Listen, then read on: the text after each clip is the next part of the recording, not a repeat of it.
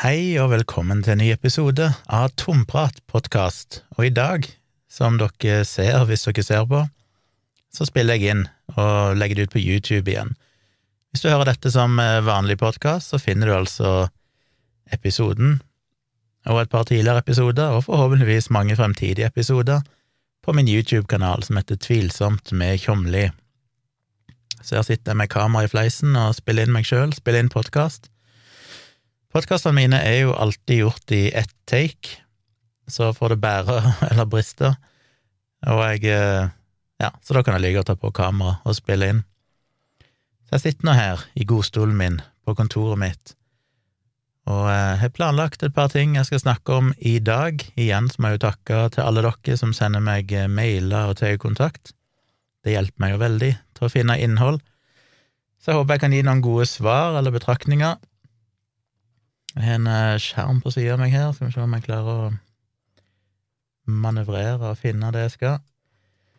Det er episode 193 i dag, tror jeg, og det første spørsmålet jeg fikk eh, tilsendt,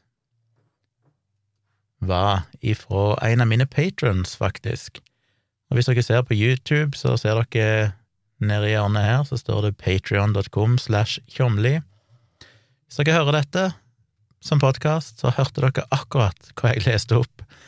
Og da er det bare å sveipe innom den eh, linken, eller stikke innom den nettadressen. Se hva du kan få der. Jeg har flere forskjellige nivåer. Eh, du kan støtte meg på, støtte arbeidet jeg driver med, både med blogging, podkast og alt annet. Og det rimeligste nivået er jo en femtilapp i måneden cirka, og da får du jo bonuspodkaster, du får podkastversjon av livestreamene mine, og litt andre småting, tilgang til Discord-serveren min og sånn. Går du opp et nivå til en hundrelapp i måneden, så får du òg tilgang til lydbøkene mine, av begge de bøkene som dere ser her, placebo-defekten og håndbok i krisemaksimering, som jeg har lest inn. De finnes både som video og podkast inne på min Patron. Um, ja, det er vel det du får. Går du opp enda et nivå, så får du en uh, signert bok i posten, i tillegg til alt det andre. Men så har jeg et, et høyeste nivå som heter Tjommi XL. De andre nivåene heter Tjommi S, Tjommi M og Tjommi L. Men eh, Tjommi XL, den koster jo en del mer. Den koster 100 euro eller 100 dollar i måneden. Men der får du jo i tillegg til alt det andre, bok og podkaster og lyd og lydbøker og alt dette her Jo, jeg glemte å si på det der 100-kronersnivået, i tillegg til lydbøker, så får du jo videoforedragene mine tilfelle du ikke har sett dem, og der kommer det jo flere. Så fort samfunnet åpner opp igjen og jeg kan begynne å holde foredrag, så skal jeg prøve å få filma flere foredrag og legge ut der. Men hva jeg skulle si, jo, Tjommi XL, jeg nevner det igjen, jeg nevnte det et par ganger tidligere, fordi der er faktisk én som har det. Jeg var litt usikker på om noen kom til å gå for Tjommi XL, for det koster jo litt i måneden. Men det du får igjen for det, er jo, og det har vi gjort en gang allerede, vi har jo hatt en liten privat samtale og han ønska å ha en fyr å snakke med om eh, litt filosofiske tema og litt sånne ting. Så hvis du blir tjom i Excel, så kan du avtale en eh, time cirka hver måned til å ta en liten prat om det som måtte interessere deg, og det skjer jo helt konfidensielt. Eller du kan eh, bruke litt av mine ressurser til å Eller bruke meg litt til å hjelpe deg å researche ting. Så hvis du jobber med et eller annet du trenger svar på, eller trenger hjelp når vitenskapelig research eller et eller annet sånt, så kan jeg òg gjøre det som en del av den pakken. Så sjekk ut Tjommi Excel, og hvis du signer opp for det, så er det bare å sende meg en melding inne på Patron og si hva du kunne ønske. Så avtaler vi en dato, så tar vi en prat. Og det er jo ikke noe bindingstid på noen ting av dette her, så hvis du binder deg opp, eh, hvis du betaler for en måned, så kan du si opp neste måned hvis du ønsker det. Eller samme måned, da. Men da betaler du for den inneværende måneden. Så det er verdt et forsøk, kanskje. Sjekk ut det hvis dere tror det kunne være interessant. Eller hvis du bare setter så pris på det arbeidet jeg gjør med folkeopplysning og kritisk tenking at du tenker shit, han trenger, han trenger litt mer støtte. Fordi det ikke er særlig kommersielt å drive på med det jeg gjør, så jeg er helt avhengig av at dere støtter meg. Og ja, det var litt reklame, dere er sikkert drittlei av det, men det, det må nevnes, fordi jeg er ganske så avhengig av å ha den lille ekstrainntekten, og vil helst at den skal øke, så jeg kan bruke mer tid på dette her.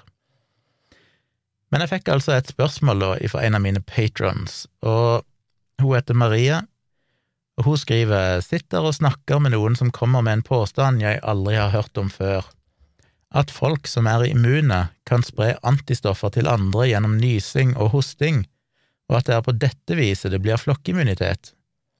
Jeg prøvde å spørre hvor han hadde hørt det, han sa en lege hadde fortalt han det, synes det høres merkelig ut. Og det må jeg jo si at jeg òg synes høres veldig merkelig ut eh, når jeg leste det. Skjønner godt at Marie stussa litt på det. Så påstanden her er jo at en person som har vært smitta, eller kanskje til og med fått vaksine, og da kroppen bygger opp en immunitet mot eh, for eksempel koronaviruset, så kan disse antistoffene som du har i kroppen, spres til andre via spytt, for eksempel, eller slim når du nyser og hoster. Du kan på en måte smitte andre med antistoffene, sånn at de da får en immunitet imot koronaviruset uten at de har gjennomgått noe sykdom eller fått vaksine. Og det hadde jo vært veldig trivelig, på en måte, om det var sant. Eh, det vil jo være en god grunn til å si at folk som har vært syke eller eh, fått vaksine, ikke skal bruke munnbind. For all del, ikke bruk munnbind, vi trenger at dere smitter andre folk med antistoffer. Men det har dere jo aldri hørt, og det er jo med god grunn, fordi at dette er jo bare tull. Jeg eh, tenkte det var tull når jeg hørte det, altså jeg tenkte det var feil, men eh, det er jo alltid sånn at shit, tenk om det er noe her jeg ikke var klar over, så jeg brukte litt tid på å prøve å researche det. Og skulle jeg ta feil her, så må dere korrigere meg. Send mail til tompratpodkast, som dere ser nede i hjørnet her, at gmail.com. Så eh, vil jeg gjerne ha spørsmål og tilbakemeldinger der, men jeg er ganske sikker på at dette her ikke stemmer. Det hun snakker om, eh, eller det han her fyren fortalte om, er vel det som kalles for passiv immunitet. Det vil si at du får en immunitet uten at kroppen sjøl har bygd opp noen antistoffer. Og det kan egentlig bare skje på to eller tre måter som er kjent. Det ene er jo at du som foster i magen kan få antistoffet ifra mor di gjennom blodet og morkaka. Og det er jo en viktig mekanisme som gjør at nyfødte barn eh, har en viss immunitet mot eh, ting. Eh, det forutsetter jo da at mora har gjennomgått sykdommer eller blitt vaksinert mot disse sykdommene, sånn at hun har antistoffer. Men hvis mora er vaksinert mot meslinger, eller har gjennomgått meslinger en eller annen gang, så kan det gå over i blodet til fosteret. Og det gir fosteret en viss immunitet, men den er ikke så veldig lang. Eh, det varierer litt eh, ifra type immunstoff, holdt jeg på å si, type sykdom til type sykdom, men det står, eh, der jeg leste, så sto det at det kunne være opptil et år men jeg har jo skrevet litt om det i bloggen min tidligere, og da mener jeg det var studier som Jeg tror det var spesifikt meslinger. At immuniteten som du kunne få i mor di mot meslinger, ikke varte mer enn et par måneder, tror jeg, hvis jeg husker rett. Så det er ikke en veldig lang immunitet. Men den er definitivt nyttig. Så kan òg barnet få det gjennom morsmelke, altså eller brystmelke, og da vil du i utgangspunktet, altså barnet vil i utgangspunktet da få det så lenge barnet ammer, som er en av grunnene til at Verdens helseorganisasjon anbefaler mødre å amme barnet i opptil to år. Det er vel spesielt viktig, kanskje, i land der du ikke får vaksinert ungene dine tidlig, men det er klart, hvis du da ikke får vaksinert ungen din, så er det en, en, en viss beskyttelse i det at barnet får antistoffet via brystmelke. Men igjen så er jo ikke det en sånn mirakelkur. Det er ikke sånn at mora har antistoffer mot sykdommer hun aldri sjøl har gjennomgått. Men bor du i et land der få er vaksinert, eh, så er jo sjansen veldig stor for at du har hatt de fleste av de vanlige barnesykdommene, og da òg har en immunitet mot de, som du da kan overføre til barnet. Så det er den ene måten å oppnå passiv immunitet på. Den andre måten er jo den mer kunstige måten, og det er at du kan gi det eh, som innsprøyting eller intravenøst. Og det blir jo gjort i forskjellige sammenhenger. Skal ikke gå inn i detaljene om det. Jeg kan eh, lenke til den eh, Wikipedia-artikkelen, var det vel, som egentlig hadde ganske grei oversikt over dette, som handler om passiv immunitet. Så kan dere jo lese mer om det. Men det finnes jo ikke eh, noen mulighet for å spre de antistoffene via ja, bare via spytt eller å smitte andre med dem på en måte. Teknisk sett så kan det være at det kan skje, men det vil være en ekstremt dårlig beskyttelse, for det er ikke antistoffer som Det blir ikke mer av de enn det du får i deg i, den ene spyttklysa du eventuelt måtte få i munnen eller i øyet ditt, så det vil jo være en ekstremt liten mengde med antistoffer. Det er ikke sånn at de replikerer seg i kroppen og gir deg full immunitet. Og denne her passive immuniteten ser ut til å vare kort, uansett vil ikke det være noe særlig nyttig. Så jeg tror nok effekten av det er så godt som null. Og så vet jeg heller ikke, det er ikke sjekka, men jeg vet heller ikke hvor mye av disse antistoffene som i det hele tatt finnes i, i spytt og slim. Jeg hadde vel kanskje antatt at det var lite eller ingenting, at det primært er i blodet. Så det er vel kanskje òg en faktor å ta med seg. Men det er neppe noen sannsynlighet. Det fins kun to måneder, måter å oppnå flokkimmunitet på, og dette sier Verdens helseorganisasjon på sine nettsider. Det er enten ved naturlig gjennomgått sykdom, som da kroppen gir deg en immunitet, eller vaksiner. Og vaksiner er den foretrukne måten, fordi hvis du skal oppnå flokkimmunitet gjennom naturlig gjennomgått sykdom, så må du faktisk gjennomgå sykdommen, og det vil jo både være ubehagelig, det kan skade deg på veldig mange måter, og det kan føre til død i verste fall. Så det ønsker en jo ikke. Det er jo folk som har ønska det i forbindelse med covid-pandemien òg, at vi skal heller la smitten bare spre seg og la folk bli immune. Det er jo en måte å løse det på der du må betale en veldig høy pris. Hadde vi ikke hatt mulighet til å produsere disse vaksinene så fort som vi har gjort, så ville jo det vært muligens uunngåelig, Um, det vi har gjort nå, er fordi vi har visst at det vil være vaksiner innen rimelig tid, selv om en nok i utgangspunktet antok 18 måneder til to år eller mer. Hvis en var heldig, så klarte vi det jo på under et år. Men i utgangspunktet så var jo tanken da med denne flatten the curve, og bare prøve å holde smitten så låg du kunne. Når det begynte å vokse, så stengte du ned samfunnet for å flate ut den kurva, eh, og så kunne du åpne opp litt igjen når det når det var mindre smitte, eller kjøre den taktikken som enkelte andre land har gjort, der de har bare kjørt full lockdown, og så har de eliminert smitten, og så har de hatt veldig strenge regler for innreisende til landet og sånne ting. Uansett er det jo handla om å sørge for at færrest mulig blir smitta, men hadde det ikke vært aktuelt med vaksiner på noe tidspunkt, så måtte vi jo gjennomgått en naturlig immunitet et, bare over lang tid. Um, eller kanskje en hadde gjort det fortere hvis en ikke hadde sett før seg vaksiner. Men det ville jo ført til veldig mange dødsfall. I Norge, for eksempel, så måtte jeg nok ha estimert en 10 000–20 000 dødsfall i løpet av første året, hvis en ikke hadde kjørt noen form for smittetiltak, smitteverntiltak, sånn som jeg har gjort. Ja, kanskje ikke første året, men i løpet av den tid det tar før pandemien brenner seg gjennom hele samfunnet, hele befolkningen. Og det er vi jo klart å unngå, vi ligger vel på under 1000, vi ligger vel på en 600 eller et eller annet sånt. Eh, land som har kjørt en åpna strategi, som vi vet, har jo hatt mindre hell med det og hatt mye dødsfall.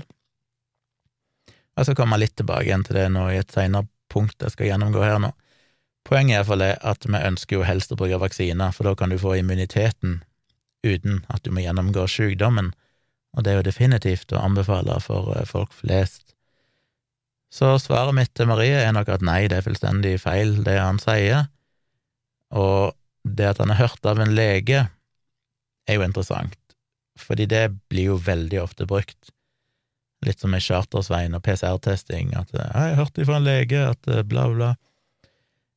Som regel så baserer det seg det, det kan selvfølgelig være en veldig alternativ lege, det finnes jo de, det finnes jo leger i Norge som er sånn lockdown-fornektere og vaksinemotstandere og full pakke.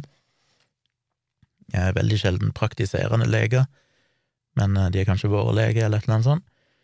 Så det finnes jo de òg. Det finnes jo leger som tror på mye rart, som driver med homopati og sånne ting. Det kan være en av de, men det er ikke så mange av de. Mer sannsynlig er det jo at uh, mottakeren av budskapet er misforstått. Og i dette tilfellet så kan det jo være at legene snakker om naturlig immunitet gjennom altså den passive immuniteten som skjer gjennom morsmelk, bla, bla. at de har misforstått det, jeg vet ikke. Um, eller det kan være noe annet. Det kan være bare at han har misforstått det legen sa totalt, og han nå gjengir en helt feilaktig historie.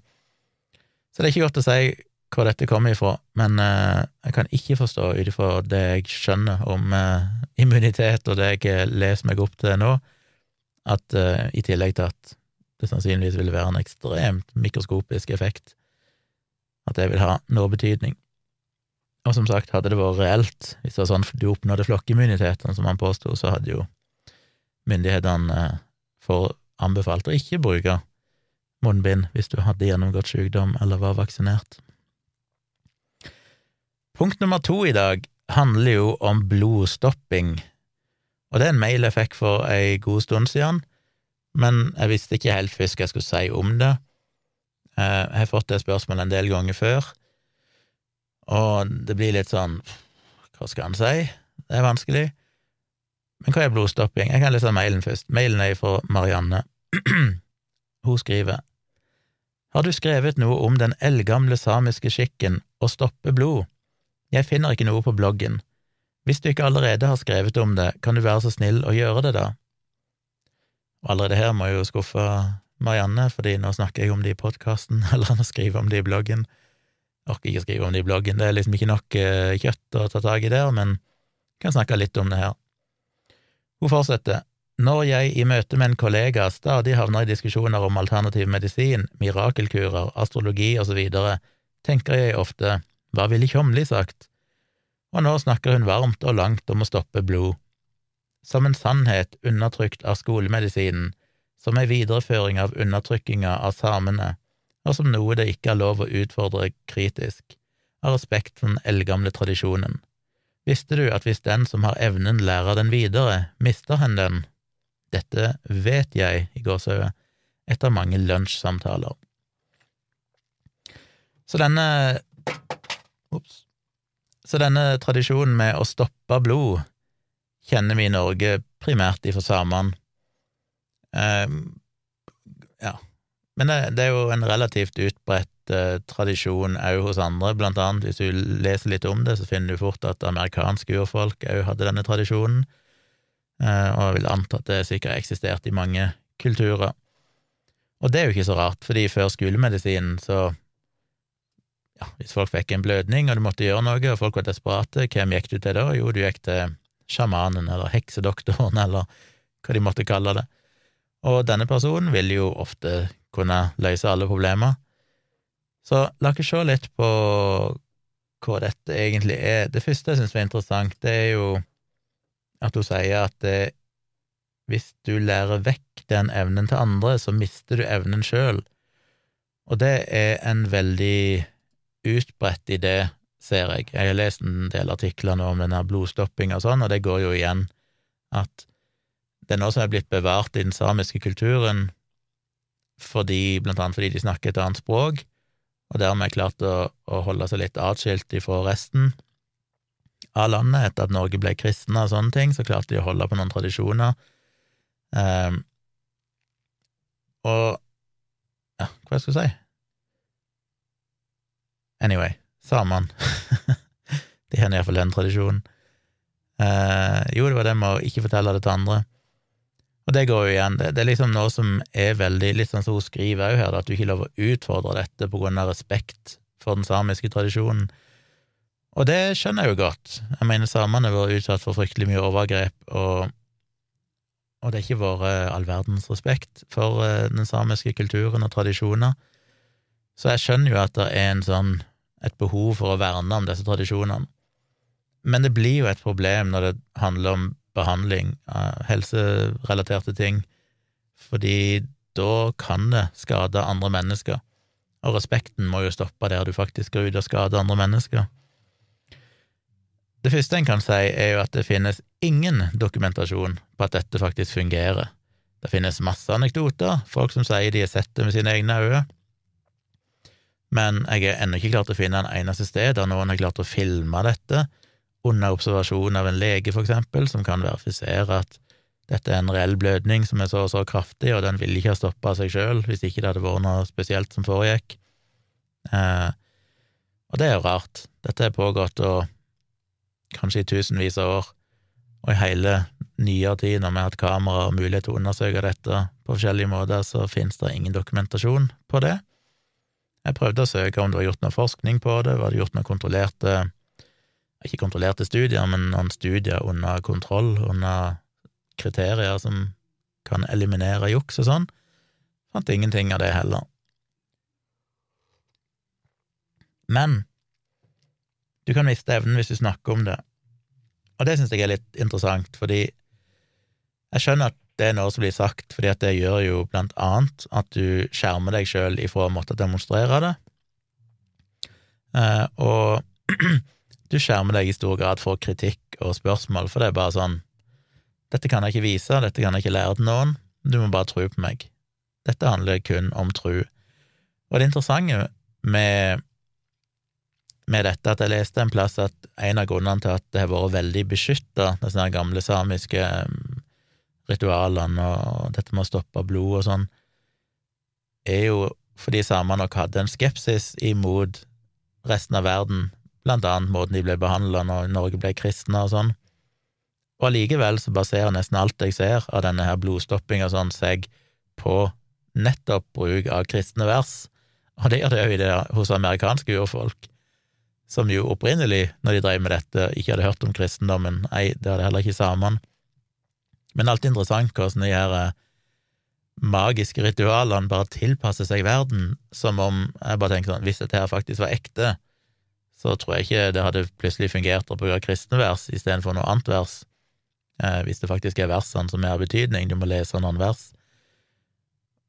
Og det går jo veldig igjen at de bare switcher over. Plutselig så blir det tilpassa en bibelsk tradisjon, som er litt rart, ettersom de da i utgangspunktet òg blir brukt som argument, at de kanskje var veldig forsiktige med å spre dette til andre, eller holdt det veldig for seg sjøl, nettopp på grunn av for eksempel innføringen av kristendommen hadde hatt negative effekter for samene, men allikevel så har de tatt til seg det da, og overført inn i en kristen tradisjon. Og du skal ikke fortelle det til andre, for da kan du miste evnen, og allikevel, hvis du googler på nettet, så er det jo bare tonnevis av artikler der folk skal vise dette, og alle disse versene de bruker, står ramsa opp, og det er liksom ikke måte på. Så spesielt hemmelig er det ikke. Så det, hvis det stemmer at de mister evnen, så er det fryktelig mange som har mista evnen, tydeligvis, for dette her er jo spredd for alle vinder. Jeg kommer blant annet over en eh, blogg som heter sjamanistisk.blogspot.com, der en fyr skriver at han kan stoppe blod, eller stemme blod, som de òg kaller det. Og han eh, skriver litt om hvilke vers som ble brukt. Han skriver et vers som heter Stat, du stygge blod, som vannet sto i Jordans flod. Det er fra Valdres på 1800-tallet. Et annet vers som er fra Kinsarvik på 1800-tallet, som er Stat blod, so vatnet sto, i Jordans flod, Stat flo, so mannen i helvete sto, der viste ret, men gjorde vrangt, Stat blod, still blod. Og et tredje alternativ, som er fra folkemunne, Stat blod, stå blod, som det røde hav sto. Så der har du deg. Og han sier òg at i tillegg er det flere sitater der Jesus og jomfru Marie ofte benyttes. I forbindelse med mange sitater kan man også be Fader vår. De fleste sitater vi har kommet over, er sterkt influert av kristendommen. Men han som skriver denne bloggen, han uh, bruker ikke kristne vers, han bruker istedenfor reiki-symbol. Uh, og han har da en reiki, en, en grad som heter reiki master teacher så han bruker reiki-symbolet som heter chu-ku-rei for å stoppe blødninger. Han sier at han har brukt det til dype kutt med store blødninger, og blodet slutter å renne rimelig kjapt, gjerne i løpet av én til to minutter. NB, man må ha fått initiering av en reiki-master for å ha effekt av å bruke et reiki-symbol. Så det er ikke bare for hvem som helst. Eh, å bruke det reiki-symbolet virker bare hvis du er blitt initiert av en reiki-master, altså. Men han deler det med oss, som jo skal bety at han da har mista denne evnen i det øyeblikket han skrev denne bloggposten. Men han sier sånn skal du utføre det, og nå skal jeg avsløre hemmeligheten for dere, alle sammen, så dere kan stoppe blod. Visualiser at den ene hånden er full av chukurei-symbolet, og send energi mot blødepunktet. Hold hånden fem til ti centimeter over blødningen. Du vil se at det ganske kjapt danner seg en skorpe over punktet. Sirkuler en av hendene dine, eller begge, over blødningsstedet ca. fem til ti centimeter over. Føl på helbredelsesenergien du sender til blødningsstedet. Se og føl hvordan blødningen stopper opp. Du kan også sende en kommando til at det skal stoppe å blø gange tre ganger. Takk deretter tre ganger for at du sluttet å blø, selv om du fortsatt blør. Vær så vitne til at skaperen stopper blødningen for deg. Og den kommandoen du skal sende tre ganger, kan for eksempel være Slutt å blø med umiddelbar virkning, men du må si det tre ganger, ellers virker det ikke. Det viktigste av alt, ha tro på at det fungerer, uansett hvilken metode du bruker. Så han bruker reiki-symbolet, men utover det så er jo dette ganske likt, ser det ut til, bare at noen bruker kristne vers. Jeg ser det amerikanske urfolket, de leste gjerne sjette vers av 16. kapittel av Esekiels bok mens du gikk mot øst. Så det er mange, veldig mange forskjellige teknikker. Blant amerikanske urfolk så er det brukt mange forskjellige teknikker. Det virker som blant samene så er det brukt mange forskjellige teknikker, så det er jo litt shady. En skulle jo tro at hvis dette var noe som virka, så måtte du holde deg til spesifikke vers eh, og spesifikke ritualer, men det virker jo litt sånn her at uansett hva du gjør, så slutter det å blø. Og hva er det vi kaller det?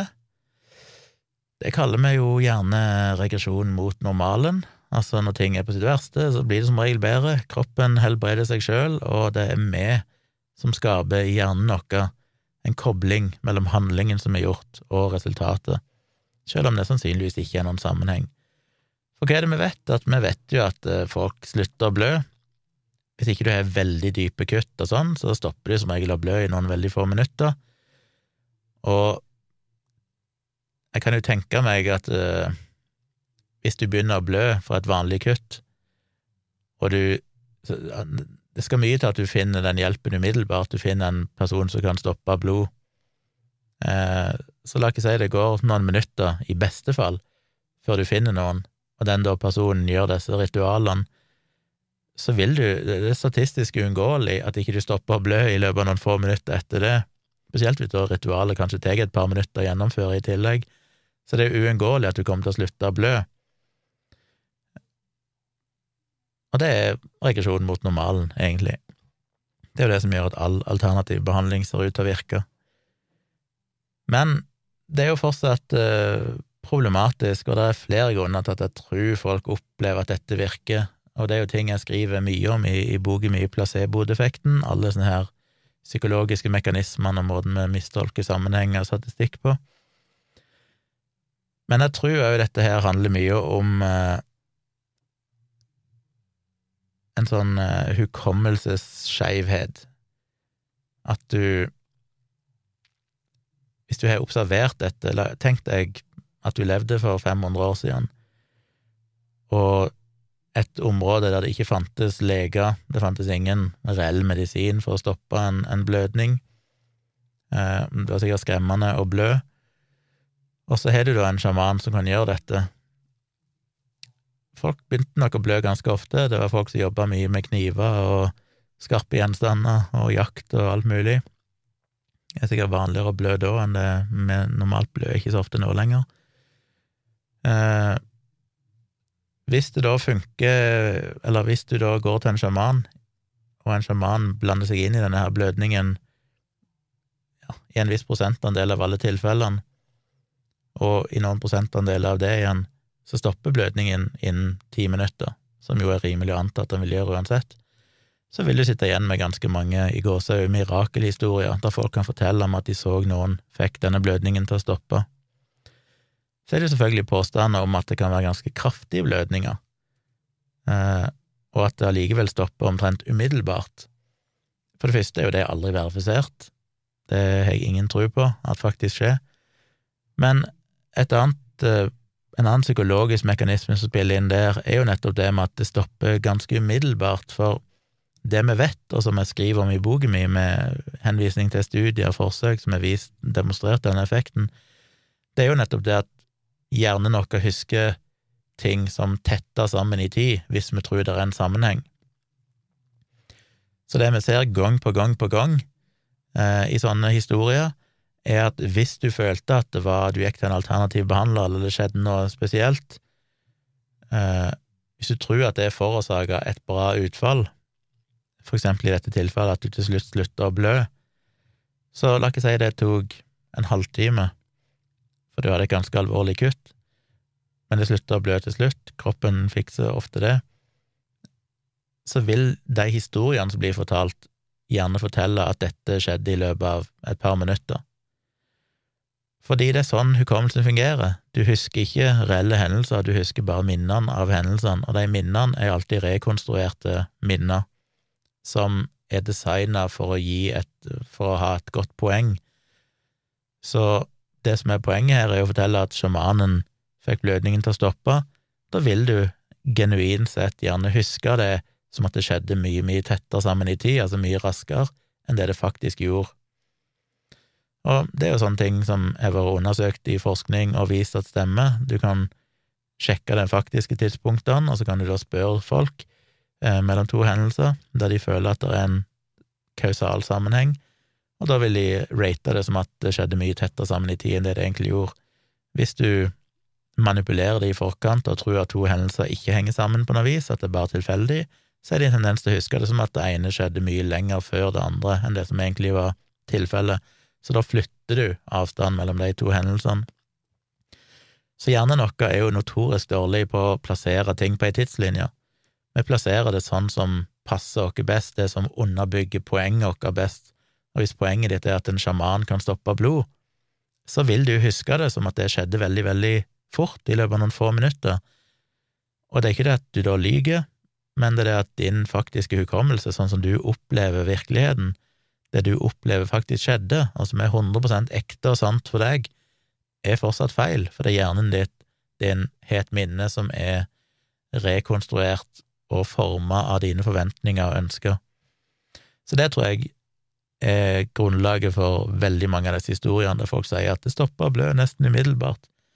Det tviler jeg veldig på, jeg tror det var en sjaman inne i bildet, blødningen stoppa når han ville ha stoppa uansett, og så fordi folk tror på dette og har respekt for disse tradisjonene og sånn, så husker de det som at det skjedde mye tettere sammen i tid enn det det egentlig var. Så jeg tror det er en kombinasjon av mange sånne psykologiske faktorer som gjør at folk er veldig overbevist om dette. Og er det noe vi ikke skal utfordre? Eh, jeg syns jo ikke det. Jeg syns det skal utfordres. Det har jo vært en eh, utspill eh, for noen år tilbake, så var det jo blant annet en politiker som mente at vi måtte få mer av den samiske tradisjonen inn på sykehus, blant annet med blodstopping og sånn. Og det er jo én ting å respektere at noen tror på det, det er noe helt annet å ta det inn i helsevesenet hvis det ikke er dokumentert at det faktisk virker på noen som helst måte. Og det leder meg over til det andre poenget, som det er litt det samme som med Snåsamannen og alle sånne healer. Det er litt sånn Hvis dette faktisk virker, hvis du hevder at du kan stoppe Du kan kutte pulsåra på noen, og så kan du få det til å stoppe nesten umiddelbart ved å bare lese noen vers, hvor gjennomført egoistisk og uetisk er det ikke å si at nei, men dette vil jeg aldri demonstrere, ingen som får lov å teste at dette virker, og så bruker unnskyldningen at hvis jeg gjør det, så slutter det å virke, og så vet du det at det er tonnevis av folk som skriver om dette og forteller om det og demonstrerer det, eh, hevder at de demonstrerte det, men aldri under kontrollerte forhold, aldri på en måte som faktisk kan sjekkes seinere, men det er helt åpenbart at de ikke mister den evnen hvis de viser det, for det er det tydeligvis mange som gjør, skriver bloggposter om det og sånn. Men de vil ikke hjelpe andre mennesker, de vil ha den der, det, det er sånn for meg en sånn enorm egoisme. Det er sånn, dette skal bare handle om at jeg skal føle meg spesiell, jeg har denne mystiske kraften, som ingen andre skal få lov å ta glede av, med mindre jeg kan stå i sentrum. Og hvis du faktisk hadde gått ut og sagt jo, jeg vil la meg teste, og det vil jo vise seg å ikke virke, så mister du jo selvfølgelig den statusen. Men hvis du virkelig, virkelig tror på det, så er det ufattelig at ikke du vil umiddelbart si 'dette her vil jeg demonstrere'. Gi meg kontrollert oppsett, la meg demonstrere at jeg kan stoppe blod, og la meg fortest mulig komme meg inn på akuttavdelingen på sykehuset, og så kan jeg stå der og stoppe blødninga umiddelbart og redde mange, mange liv. Men nei, finnes ingen interesse for det. Litt som Snåsamann, som hevder han kan helbrede kreft, hevder han kan få lammet til å gå igjen, men nekter å demonstrere det. Jeg sa, Hvorfor i all verden, hvordan går det an å være så sjølgod at du vil bare holde det for seg sjøl? Hadde jeg oppdaga at jeg hadde en evne som kunne hjelpe menneskeheten enormt, redda liv, så hadde jeg ikke sittet der og sagt sånn nei, ingen får lov å sjekke det, ingen får lov å teste meg. Da hadde jeg følt Jeg mener, jeg tipper jo folk det, det er jo det jeg ikke skjønner med Snåsamann og sjamaner og sånn, det at ikke folk sier 'for et rasshøl du er', for et gigantisk rasshøl du er, som kan redde liv, men ikke gidder å gjøre det.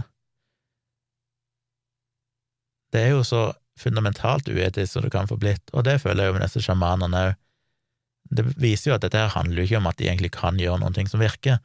Det handler om at de ønsker å bevare en tradisjon, de ønsker å bevare en posisjon. Dette handler om makt, til syvende og sist. Så kan en òg si at det er uetisk fordi Det er jo sånn lang drøfting, jeg bruker jo en del plass i boka mi på å forklare det i alle fasetter, liksom hvorfor er dette farlig både for individet, og hvorfor er det farlig på samfunnsnivå, og så videre. Men jeg har jo lest noen artikler som handler nettopp om samiske eh, tradisjoner rundt eh, helbredelse og sånn, og det som blir et problem i mange av disse miljøene, og det har jeg snakket om tidligere, enten det er antroposofiske miljøer, eller det er veldig alternative miljøer på andre måter, eller disse samiske sjamanene og læstadianerne og sånn, det er jo at en viss andel av befolkningen lider jo blant annet av psykisk sykdom, og det en finner ofte i disse, disse miljøene og kulturene, er at det er veldig vanskelig å få behandling for psykisk sykdom, fordi det finnes ikke noe klart skille mellom det som er en del av kulturen, tradisjoner, religionen, og det som er psykisk sykdom, for eksempel med tanke på å se ting, ha syn, som da kan være psykotiske hendelser, hallusinasjoner og sånn, eh, høre stemmer. Det er veldig mye av dette her som ikke får den behandlingen det skal ha, fordi du er lært opp til å tro at dette er et eller annet religiøst, dette eh, og, og, du har ikke noen å, å, å, få hjelp av, for det blir bortforklart som noe helt annet enn faktisk psykisk sykdom. Når det gjelder mer sånn somatisk sykdom, så er det klart at hvis du da blør, og blør ganske alvorlig, og ikke oppsøker legehjelp fordi du tror at en eller annen sjaman kan stoppe blodet ditt, så kan jo det være fatalt, selvfølgelig. Um, tviler vel på at det har skjedd så veldig ofte, for som med alt sånn, så pleier jo folk som regel å oppsøke legehjelp når det virkelig er alvorlig, for de tror ikke egentlig så mye på det, de tror nok på det til at du kan bruke det til ting som ikke er så farlig, bare av respekt for tradisjonen og sånn. Um, det er litt det samme en ser i Kina, for eksempel, der det er en slags idé om at um, tradisjonell kinesisk medisin med og sånn er veldig utbredt og det er det hos folk som ikke har særlig tilgang til leger og skikkelig helsehjelp, og det er mest utbredt hos eh, Hva var det igjen? Hos folk i, i litt eh, Ja, det, blir, det, er mest utbredt som sånn forebyggende behandling og til mindre alvorlige ting. Det en finner i studiene, jeg husker ikke helt detaljene jeg skriver om det i placeboeffekten, men det en finner, er at når det gjelder barn, for eksempel, eh, og veldig syke mennesker og sånn, så bruker nesten ikke kinesere tradisjonell kinesisk medisin i det hele tatt. Alle går til skolemedisin hvis de har det tilgjengelig. Så tradisjonell kinesisk medisin blir brukt mer som et rituale til å forebygge, ikke når du faktisk er syk, og det blir i veldig liten grad brukt på barn, for eksempel, fordi en gjerne er mer redd for barna sine og vil at de skal ha den beste hjelpen de kan få, og det er mer utbredt der en faktisk ikke har tilgang, der en bor langt ifra sykehus og langt ifra leger og sånn. Og det finner en jo igjen hos uh, i den samiske kulturen, at oppe i Finnmark så er det jo plasser der det kan være ganske langt til nærmeste lege, og i sånne områder så er det gjerne mer utbredt med å ha tro på denne type metoder, fordi en ikke noe alternativ. Så da er på en måte det et håp en kan klamre seg til. Og Um, I den anledning kom jeg over en studie som NAFKAM gjennomførte, som ble publisert i 2020, så den er jo ganske så fersk. Den heter Bruk av tradisjonelle helbredere i områder med samisk og norsk bosetting, publisert i januar i fjor. Og den er jo en ganske lang tekst her, men de har delt eh, landet inn i fire, eller de har funnet fire regioner i Norge, blant annet oppe i Finnmark, eh, litt i daværende Troms fylke, og litt lenger ned òg, ned i Nordland og Sør-Trøndelag. Det er et sånt kart her som viser noen regioner der de er sammenligna. Og de har da delt inn i tre grupper. De har den samiske gruppa, som de definerer som folk som regner seg som samiske, eller har rapportert å ha samisk etnisk bakgrunn, altså foreldre eller besteforeldre, i tillegg til at en sjøl, foreldrene eller minst en av besteforeldrene, snakker samisk. Så har du de som er samisk tilknytning, det er de som er kryssa av for samisk på etter, minst ett av spørsmålene om samisk tilhørighet eller samisk språk eh, hos deltakerne sjøl eller foreldre og besteforeldre, men uten å oppfylle alle kriteriene i den gruppa som blir kalt for samisk. Og så er jo da ikke-samer. Det inkluderer nordmenn, kvener og andre som ikke dekker de to første kategoriene.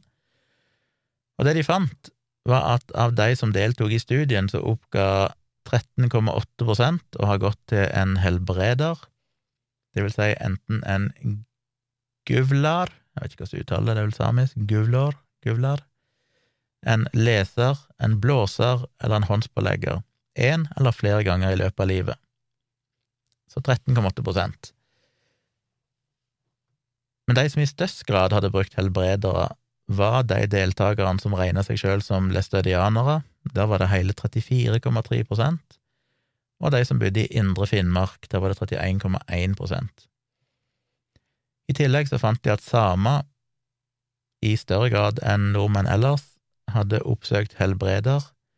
Eh, samer hadde oppsøkt helbreder i 25,7% altså rundt en fjerdedel, mens eh, nordmenn ellers var det bare 9,1, altså knapt én av ti og kvinner hadde gjort det i litt større grad enn menn.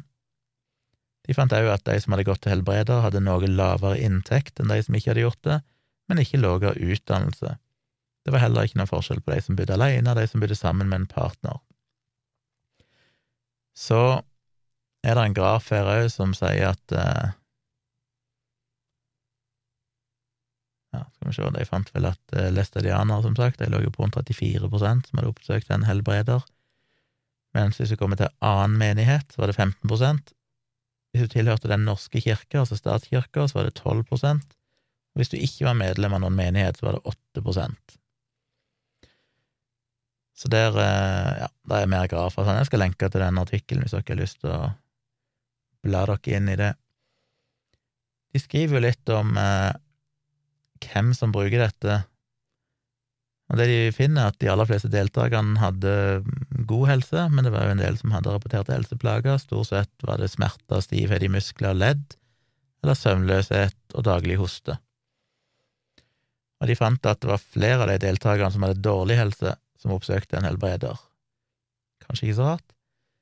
Eh, og det de oppsøkte de for, var oftest smerter og stivhet i muskler eller ledd.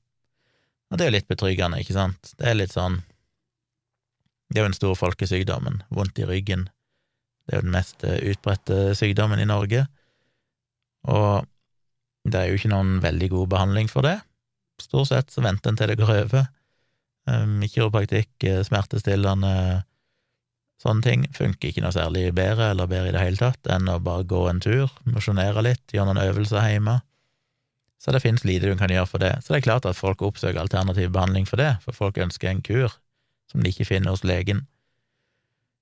Så det var veldig utbredt. Ellers var det òg ensomhet. Det var den nest mest brukte tilstanden som folk gikk til en helbreder for, som jeg òg syns er superinteressant, fordi i boken min og placebo-defekten så kaller jeg jo alternativ behandling for et lavterskel psykologtilbud. Det tror jeg definitivt at det er for veldig mange. Ehm, det er jo et visst stigma med å gå til en psykolog, men jeg tror mange har et behov for å snakke med noen. Før i tid så hadde du gjerne en prest eller menigheten. Mange har jo ikke det. Hvem skal du snakke med? Noen har gode venner de kan snakke med, mange har det ikke. Mange har gode venner, men de har fortsatt ting de ikke har lyst til å snakke med deg om. Så det å kunne gå til en alternativ behandler og liksom fortelle om sine problemer, som ofte kan være ting som ensomhet, trenger ikke være fysisk sykdom, eh, tror jeg er veldig utbredt når det gjelder nettopp alternativ behandling, og det ser en jo her, da, at det var veldig utbredt, at eh, det var en av de tingene som de ofte oppsøkte behandler for. Og søvnløshet kom som nummer tre på lista, som òg er en ting det er vanskelig å behandle, og ja, tydelig at det var noe de trodde en alternativ behandler kunne hjelpe med. Når du så på spesifikke sykdommer, så var det andelen høyest i de gruppene som hadde multiple sklerose. Der hadde rundt en fjerdedel oppsøkt helbreder. Og nummer to var de som hadde ulcerøs kolitt. Der var det et par, tre-fire prosent færre. 22,3 prosent. Og så var det de som følte seg ensomme, og deltakere med psykiske problemer. Der var det rundt en femtedel som hadde oppsøkt alternativ behandler eller en helbreder. Her undersøkte de jo totalt 16.544 personer, og altså 13,8% av de, eller 2276 av de, hadde oppsøkt helbreder minst én gang i livet. Og den typiske brukeren av tradisjonell medisin var en samisk kvinne, tilknytta en læstediansk menighet med relativt lav inntekt og bosatt på Innlandet i Nord-Troms eller Finnmark. Så var det vel eh, Altså skriver de litt her om at dette er en en taus kunnskap. De skriver at tradisjonell helbredelse er en taus kunnskap som sjelden deles med folk som oppleves som utenforstående, og slik er den bedre bevart innenfor de samiske samfunnene enn i de ikke-samiske.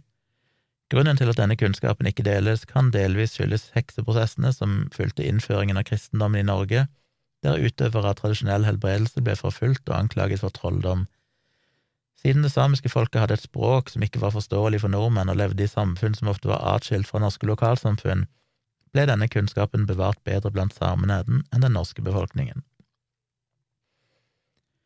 Skriver du litt om Lestadianismen og helbredertradisjonen i nord, men ja.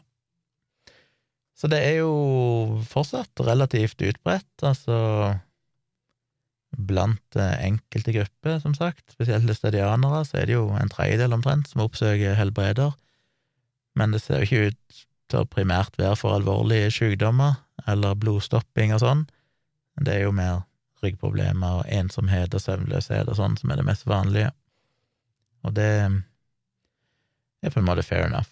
Der finnes det ikke nødvendigvis noen gode, gode behandlinger hos eh, legene heller. Var det noe mer jeg skulle si om det?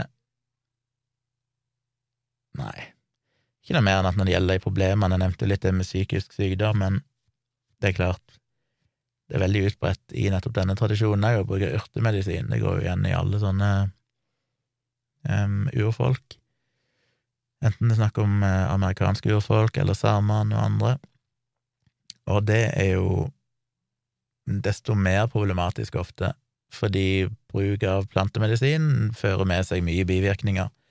Det er allergier, det kan være giftig, det kan føre til kreft på lengre sikt og sånn, som jeg skriver om i placeboeffekten.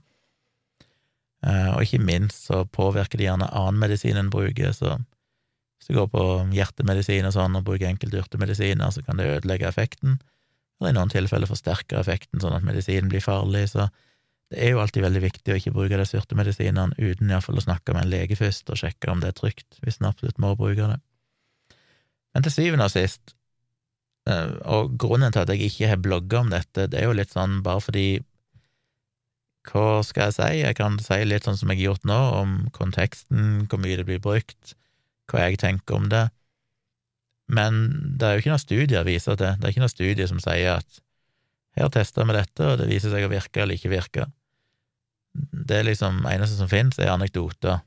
Folk forteller om det, og de som forteller om det, er vel nesten uten unntak folk som har en veldig dyp respekt for den samiske tradisjonen, som vi jo for så vidt alle skulle ha, det er ikke noe galt i det, men som har en form for tilknytning som gjør at det er vanskelig å kritisere noe innenfor den tradisjonen.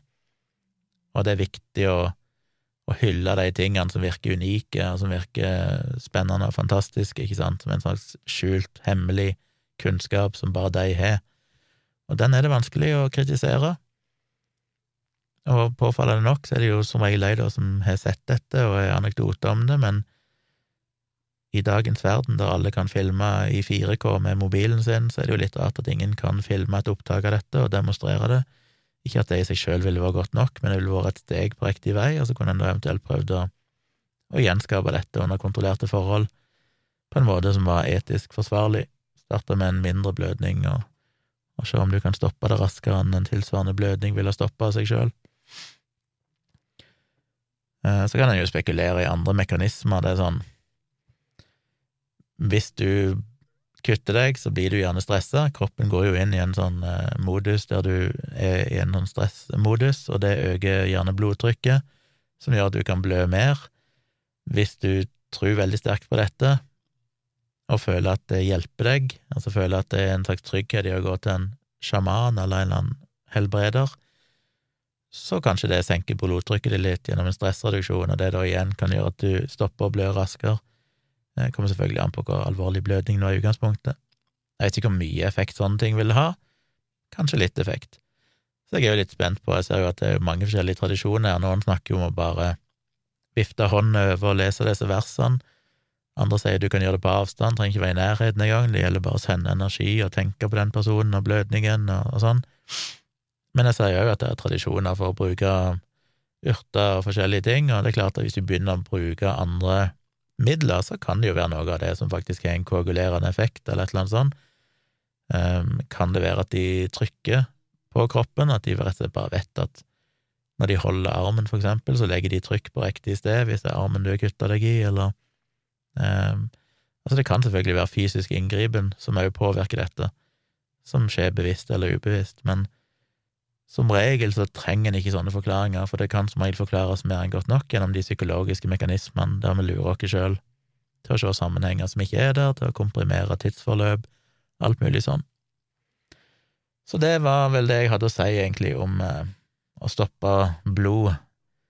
Skal dere lese mer i de kildene jeg legger ved, hvis dere vil det. Hvis dere vet noe mer om det, som sagt, eh, føler jeg jeg går glipp av noe, jeg vet om at det finnes en studie eller noen som uttaler seg litt mer faglig om det, så send meg gjerne det på tompratpodkast.gmil.com, det vil jeg veldig gjerne høre mer om, og kan eventuelt fortelle mer om det i neste episode. Og så hadde jeg i dag Hvor lenge har jeg holdt på nå? Ja, såpass. Må ta en liten kjapp en, for det at jeg eh, ble tagga i dag av en fyr på Instagram igjen, på en post av eh, den her idiotiske ræva-kontoen som kaller seg for Faktisk ikke, som skal liksom være en sånn motsetning til faktisk.no, og de publiserer jo bare ting som er feil. Det er liksom fantastisk at du kan ha en Instagram-konto hvis eneste funksjon er å finne alt som er feil der ute, og så poste det som om det skal være en sannhet. Jeg brukte jo en del tid, som jeg snakket om tidligere, da jeg hadde en fyr som drev og tagga meg hele tida, og hver gang jeg gikk inn og sjekka, så var det jo ganske fort å finne at dette er jo faktisk bare feil. Løgn. Men eh, jeg ble tagga på en, eh, en, screenshot av en artikkel fra en eller annen eh, Jeg glemte jo å hente fram akkurat den linken, men det var en, en eh, rapport som var skrevet av israelsk sånn adhoc-gruppe, eh, koalisjon av engasjerte mennesker i befolkningen, som hadde lagt fram en rapport som sa at koronavaksinene førte til ekstremt mye dødsfall og hadde omtrent alle mulige skadevirkninger på kroppen som de hadde klart å tenke seg, enten det var hjerte eller hva som helst, alt var bare helt krise.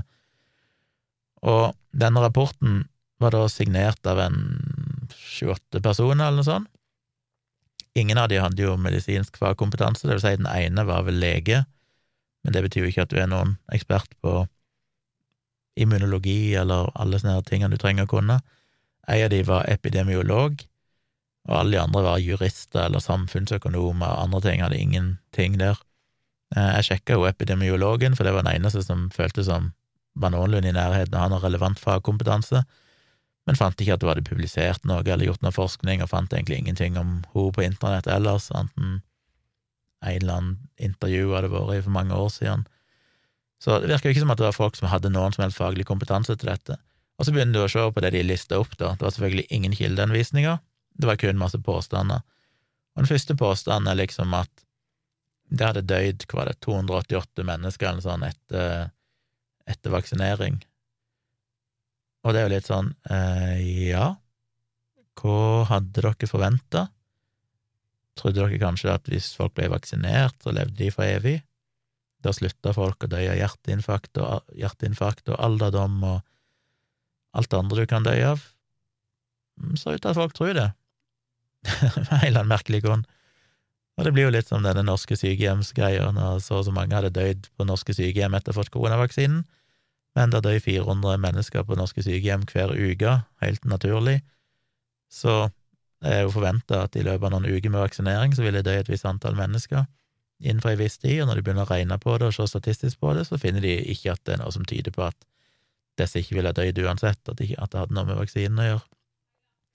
Og det er jo det samme greia her, det er å bare si at se, så mange mennesker døde etter de fikk vaksinen, uten å si hvor mange mennesker døde i en tilsvarende stor befolkning av samme sykdomstilstand og alder som ikke hadde fått vaksinen. Jeg vil anta det er akkurat like mange.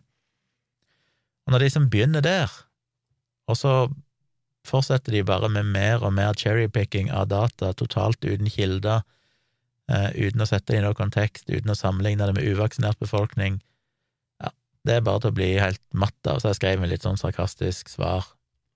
Men så ble jo, fikk jeg jo en melding i innboksen av han fyren, og han sier jo at eh, Han begynner med å skrive at det er jo ikke så veldig betryggende lesning, da, selv om det kanskje er aktivister. Ja, for det glemte jeg å si, at jeg begynte å se hvilken gruppe var dette, så var det jo basically en israelsk versjon av den norske Stopp Lockdown. Det var folk som hadde opprettet en adhocforening, eller organisasjon, for å kjempe imot alle smitteverntiltak og mente vaksiner var farlige og alt dette her. Så det er jo basically samme gjengen som, som protesterer foran Stortinget hver lørdag. Bare i israelsk versjon. Men da siterer han eh, ifra den rapporten We received 288 death reports in proximity to vaccination, 90% up to 10 days after the vaccination. 64% of those were men. Så svarte jeg han ja, folk slutter jo ikke å dø etter å ha fått en vaksine, men risikoen for å dø av covid-19 reduseres med rundt 97% Det ville vært et mirakel om alle typer dødsfall stoppet opp etter en vaksine. Men så fortsetter han, forståelig, men om man dør av vaksinen, da, for eksempel som meg, 36 år, ingen underliggende sykdommer. Hvis jeg dør av vaksinen, så er jo det større risiko å ta vaksinen enn å få covid, som for meg er mest sannsynlig bare blir en forkjølelse. Og denne påstanden er jo veldig, veldig utbredt, og jeg har jo snakka om det til det kjedsommelige, sikkert i podkasten her tidligere, og iallfall på livestreams, og jeg skrev om det i bloggen. For meg er det jo litt rart at dette er så vanskelig for så mange mennesker å forstå fordi jeg opplever kanskje ikke denne fyren som en aktivist, en vaksinemotstander, sånn i utgangspunktet. Han virker jo litt mer spørrende og, stille, og liksom tenker at ja, men er det egentlig verdt risikoen? Jeg bare skjønner ikke helt at ikke folk klarer å tenke seg til det sjøl, eller i det minste investere bitte grann tid på å prøve å finne ut av det. Men iallfall, jeg prøvde å svare han eh, så pedagogisk, pedagogisk og hyggelig jeg kunne, så jeg skrev i prosent har det dødd flere unge folk av covid enn av vaksinen. Jeg vet ikke om noen reelle dødsfall fra mRNA-vaksiner. Så risikoen er større ved å ikke vaksinere deg, fordi selv unge mennesker har en større enn null sjanse for alvorlig sykdom og død fra covid. Og bare for å skyte inn, jeg har jo også skrevet en hel bloggpost om denne risikoanalysen, der jeg ser på risikoen for unge mennesker og sammenligner det med risikoen for vaksinene, og finner jo der òg at til og med hos unge mennesker i Norge så er risikoen fra disse mRNA-vaksinene eh, det er mye større å ikke ta vaksinen. Risikoen er større ved å få covid-19 enn det er for å få en alvorlig bivirkning fra vaksinen. Men jeg fortsetter. Men det viktigste er likevel at vaksinen ikke primært handler om deg, men om å indirekte beskytte de som er i større risiko for alvorlig sykdom og død fra covid, og som ikke kan eller vil vaksinere seg eller hvor vaksinen ikke har gitt god nok effekt grunnet immunsvikt osv. Og, og bare ved at flest mulig vaksinerer seg, kan vi beskytte også dem. I tillegg måles ikke alltid død. Mange unge mennesker smittes, og en betydelig prosentandel sliter med long covid selv om de ikke ble særlig syke. Så uansett hvordan man gransker tallene, går det i aller høyeste grad i favør av å vaksinere seg. Og så svarer han jeg skjønner, Normalt ville man jo kunne ta eget valg, men med, vak med, vaksinepass så blir det dessverre obligatorisk med vaksine om man ønsker å gå i klesbutikken eller spise på restaurant. Rart myndighetene nå ikke bryr seg om personvernloven, GDPR, som de før har vært så strenge med. Og Det første jeg føler for å si sånn utenom det svarte han, er jo det er jo rart når du diskuterer med de her folkene, hvordan de aldri kan lytte til et svar. De bare beveger seg videre til neste problem hele tida.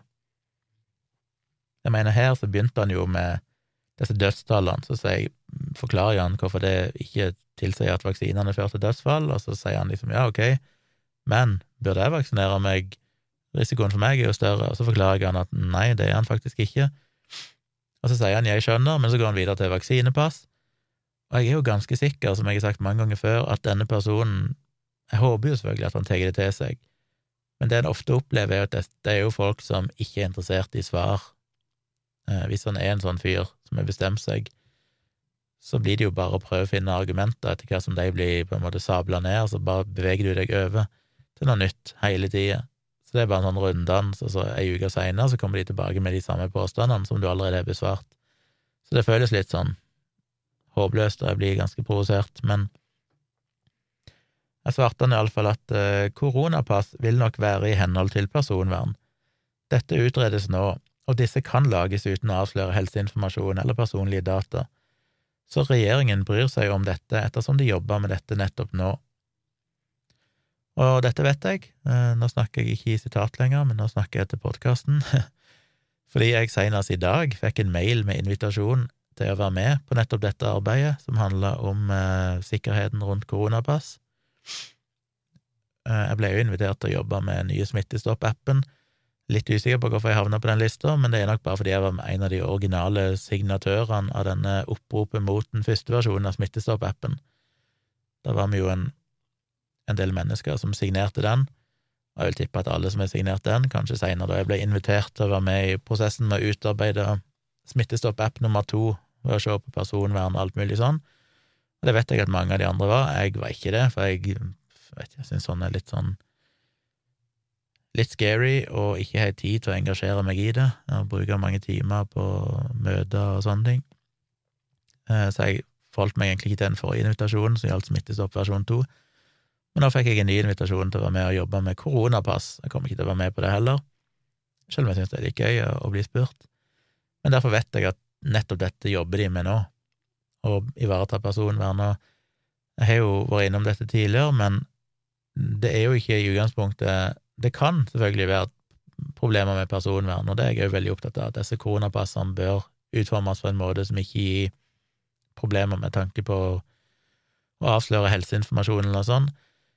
Eh, men i utgangspunktet så kan jo et sånn koronapass, sånn som det er gjort i andre land, Danmark for eksempel, så kan det jo både inneholde vaksinestatus, det kan inneholde status om gjennomgått covid-sykdom, og det kan inneholde status om negativ smittetest siste 72 timer, for eksempel og så kan det da bare gi et sånn grønt eller rødt signal at hvis du da enten er vaksinert eller gjennomgått sykdom i løpet av x antall måneder, eller har testa negativt nylig, så får du liksom grønt klarsignal. Og da trenger ikke den som sjekker dette koronapasset, hvordan det skal gjøres, vite hvorfor du får grønt. Så det avslører ikke om du er vaksinert, det avslører ikke om du har vært syk, det avslører ikke noen ting. Det kan i verste fall bare bety at du har testa deg og det er vel ikke spesielt sensitiv eh, opplysning, kanskje, eh, når du først har det koronapasset. Så det i seg sjøl ser jeg ikke på noen sånn stor utfordring. Det er verre hvis de eliminerer den delen med negativ test, hvis det kun handler om at du enten må ha gjennomgått sykdom eller vaksinert deg, så øker du jo litt mengden med informasjon et sånt koronapass vil avsløre om deg. Eh, men det sier ikke fortsatt nødvendigvis at du har vært syk, det sier i verste fall bare at du har fått vaksinen, Så det er litt sånn i gråsoner hva er akseptabelt der, og hva er ikke akseptabelt. Men de kan iallfall utforme sånn at de ikke nødvendigvis trenger å avsløre noe om eh, vaksinestatusen din eller gjennomgått sykdom.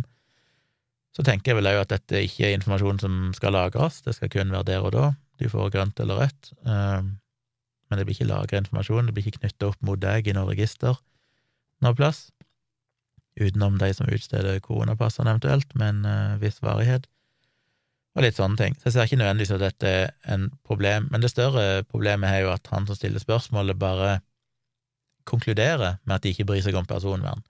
Og det er jo en ting jeg ser igjen hos disse covid-fornekterne og disse aktørene, er at de har hørt et eller annet, og så har de bare bestemt seg for at sånn er det. Så han har jo bestemt seg for at de nå ikke bryr seg om personvern, men han har jo tydeligvis ikke sjekka hvordan de egentlig skal håndtere dette, og i realiteten så er jo ikke dette engang vedtatt, de driver jo nå og utarbeider og prøve å finne ut hvordan de skal gjøre det på en fornuftig måte. Så det å liksom ta sorgene på forskudd sånn er jo litt rart. Og han sier jo dette med at du ikke kan ta eget valg og sånn, eh, fordi det blir obligatorisk med vaksine hvis du kunne gå på klesbutikken eller spise på restaurant. Og da svarer jeg eh, man har frie valg i et samfunn, men friheten må nødvendigvis stoppe der din frihet risikerer å frarøve andre sin frihet fra sykdom. Jeg er ikke selv noe tilhenger av koronapass for butikker, restauranter osv., kun til internasjonale reiser, og jeg klarer ikke helt se behovet for koronapass til butikker osv. Det tror jeg ikke vil aksepteres av næringen i særlig grad, og vi klarer oss fint med andre tiltak. Men regjeringen har ikke bestemt hvor passet skal gjelde ennå, så her må vi vente og se og ikke ta den kritikken på forskudd. Som er jo et viktig poeng, han slår jo bare fast at du må ha koronapass på restauranter og butikker og sånn, i realiteten så er jo ikke myndighetene gått ut med dette ennå. De har sagt egentlig bare to ting. Det ene er at det blir til internasjonale reiser, og det kan være aktuelt ved større arrangementer. Da tenker jeg kanskje en konsert med flere tusen, eller ja, flere hundre eller flere tusen eh, publikummere, så kan det kanskje bli aktuelt. De har ikke sagt at det skal brukes på butikker og sånn, selv om de antyder at de kanskje ønsker det, fordi de tror det blir lettere å gjenåpne samfunnet igjen. Jeg er ikke noen tilhenger av det. Jeg synes da trekker du diskrimineringen for langt, og vi har jo tross alt klart dere et år med pandemi relativt greit gjennom helt vanlige tiltak som å begrense antall kunder, kreve munnbind, sånne ting. Så jeg vil jo mye heller gå i favør at vi skal forlenge de tiltakene, ha et maks antall personer i butikker og sånn, kreve for eksempel munnbind, eh, håndsprit, forskjellige ting, heller enn at du skal kreve et koronapass for å kunne gå inn på en butikk eller gå på en restaurant. Det syns jeg eh, det har jeg ikke noe sans for. Jeg har egentlig bare forståelse for det i forbindelse med internasjonale reiser. Det å ikke føre smitte fra land til land, der tenker jeg at det er fornuftig.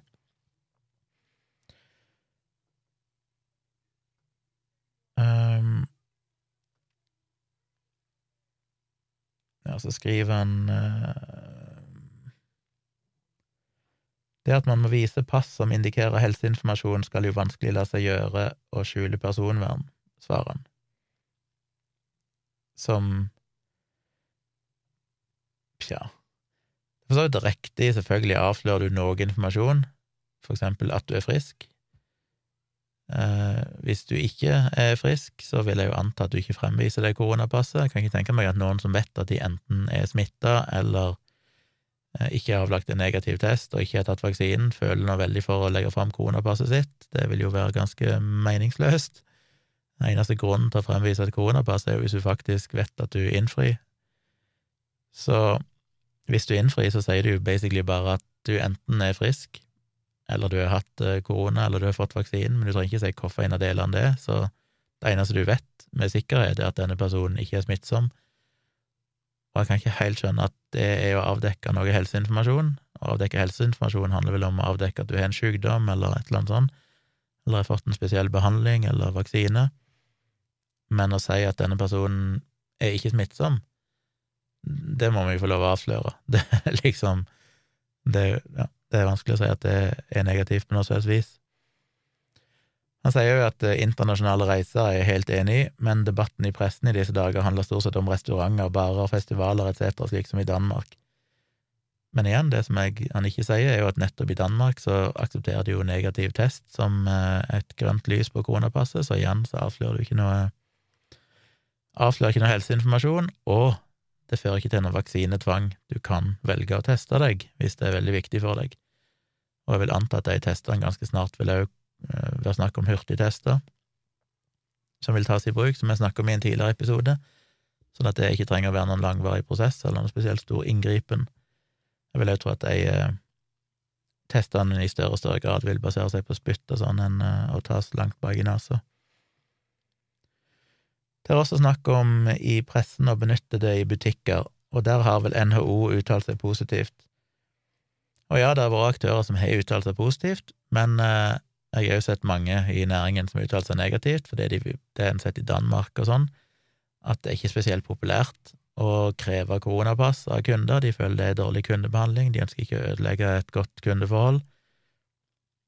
Og en vet jo ikke engang ennå hvordan de skal sjekke disse koronapassene. Du må ha utstyr for det. Kommer alle ha det utstyret? Jeg tror virkelig ikke at det er noe som kommer til å bli veldig utbredt. Eh, det føler jeg nok ikke kommer til å skje, så jeg bekymrer meg ikke veldig over det. Han skriver videre det, det blir jo litt menneskerettskamp, for hva blir det neste? Skal alle nye vaksiner bli obligatoriske? Må man fylle på covid-vaksinen hvert år? Det er ganske skremmende scenarioer man er på vei inn i. Og det skjønner jeg jo at han tenker, for det, han er jo tydeligvis litt sånn skrudd sammen, de drar jo dette til å handle om at vi lever i en totalitær stat og sånn, og sånn. Eh, som er litt rart, fordi at myndighetene har vært veldig tydelige, alltid, og jeg er jo helt enig i det, at vaksiner skal ikke være obligatoriske.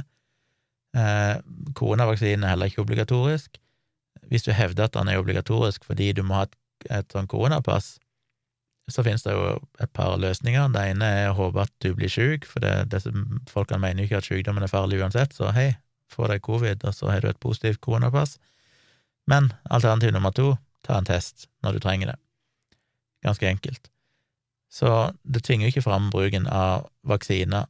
Eh, jeg kan selvfølgelig skjønne at det kan oppleves som en sånn ja, det er jo lettere å vaksinere seg, så slipper du det problemet. Men jeg svarte ikke det til han, men jeg får jo lyst til å bruke analogien min igjen, som alltid, som er Vi lar jo ikke folk gå rundt med et ladd våpen og skyte vilt rundt seg i befolkningen, som er basically det du gjør hvis du skal bevege deg helt fritt og ikke har noen og, og potensielt sett kan være smitta. Så er det egentlig det du gjør. Du går rundt og skyter med skarpt vilt rundt deg. Og noen grenser må vi ha. Det er ikke sånn at du kan gjøre hva du vil i et fritt samfunn, fordi at det begrenser andre sin frihet, sånn at samfunnet faktisk blir mindre friere totalt sett, hvis vi lar enkelte farlige individer ha den friheten de vil ha. Så det er jo ikke en menneskerettskamp, det er jo rett og slett sunn fornuft, og det er ingenting i dette som tilsier at eh, alle vaksiner vil bli obligatoriske. Det har aldri vært interesse for å innføre obligatorisk vaksinering ifra helsemyndighetene. Så hvorfor de skal tro at det skulle skje nå, det er vanskelig å forstå. Men det betyr jo òg at du ikke tar covid på alvor, at ikke han helt skjønner hvor farlig dette faktisk er. Siden han kan tenke at dette virker meningsløst, men ja. Og så skriver han òg, og jeg lurer på én ting som jeg ikke har funnet noe godt svar på noe sted. Hvis viruset er så smittsomt, hvorfor må man da med en lang bomullspinne ned i nesen? Hadde det ikke holdt med en spyttprøve? Om det smitter bare ved at man prater i et rom, mener jeg, som er grunnlaget for én meter, munnbind, stengte treningssenter og så videre. Og da svarte jeg han eh, Ja, da hadde jeg ikke svart på det tidligere. Så det var da jeg skrev et koronapass kan bare vise status på gjennomgått sykdom, negativ test siste 72 timer, eller vaksinering, ergo kan en gi status uten å avdekke verken vaksinestatus eller gjennomgått sykdom, hvis det er slik passet utformes. Men for å svare på det siste spørsmålet, prøven tas i nesen fordi det er mest virus der, for diagnostikk og PCR-testing må man ha nok virus for å kunne gi sikre nok tester, men ved screening eller hurtigtester, hvor man kan tåle noe mer usikkerhet, kan spytt brukes, så det vil bli mer utbredt fremover. Og så gir jeg han en lenke til Folkehelseinstituttet, som tar for seg det. Og det er jo litt sånn rart for meg, dette er en fyr som har gått med dette spørsmålet lenge og ikke klart å finne informasjon om det.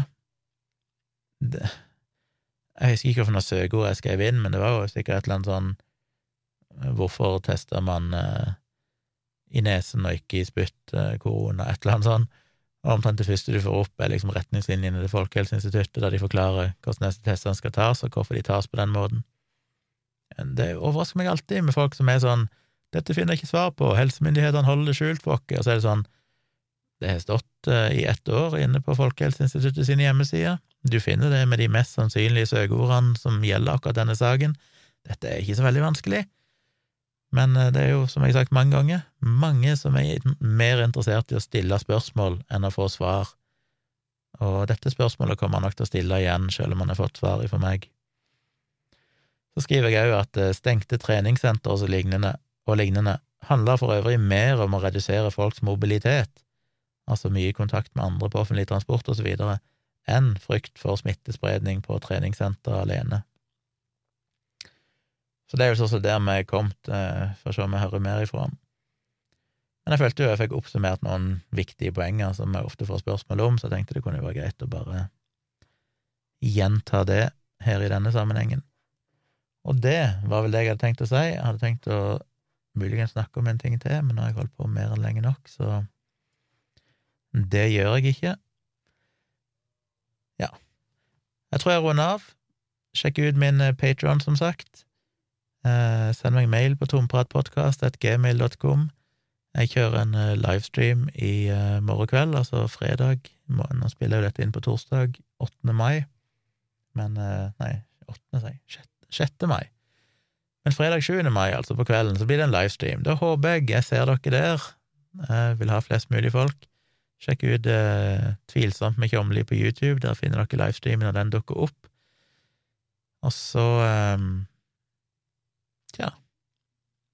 Tror ikke jeg har noe mer fornuftig å si, så jeg runder av der. Takk for at dere hørte på, takk for at dere så på. Eh, gå gjerne inn på iTunes og gi meg noen stjerner og en hyggelig kommentar. Det hjelper veldig for å få spredd denne podkasten. Og del gjerne podkasten og videoen så mye du kan i sosiale medier, hvis du syns jeg sa noe fornuftig her. Kjør på, del i vei. Det koster deg et par klikk og betyr mye for meg og podkasten min. Så da sier jeg eh, god kveld blir det for meg. Vet ikke hva tid det er på døgnet for deg, men vi høres igjen om noen dager.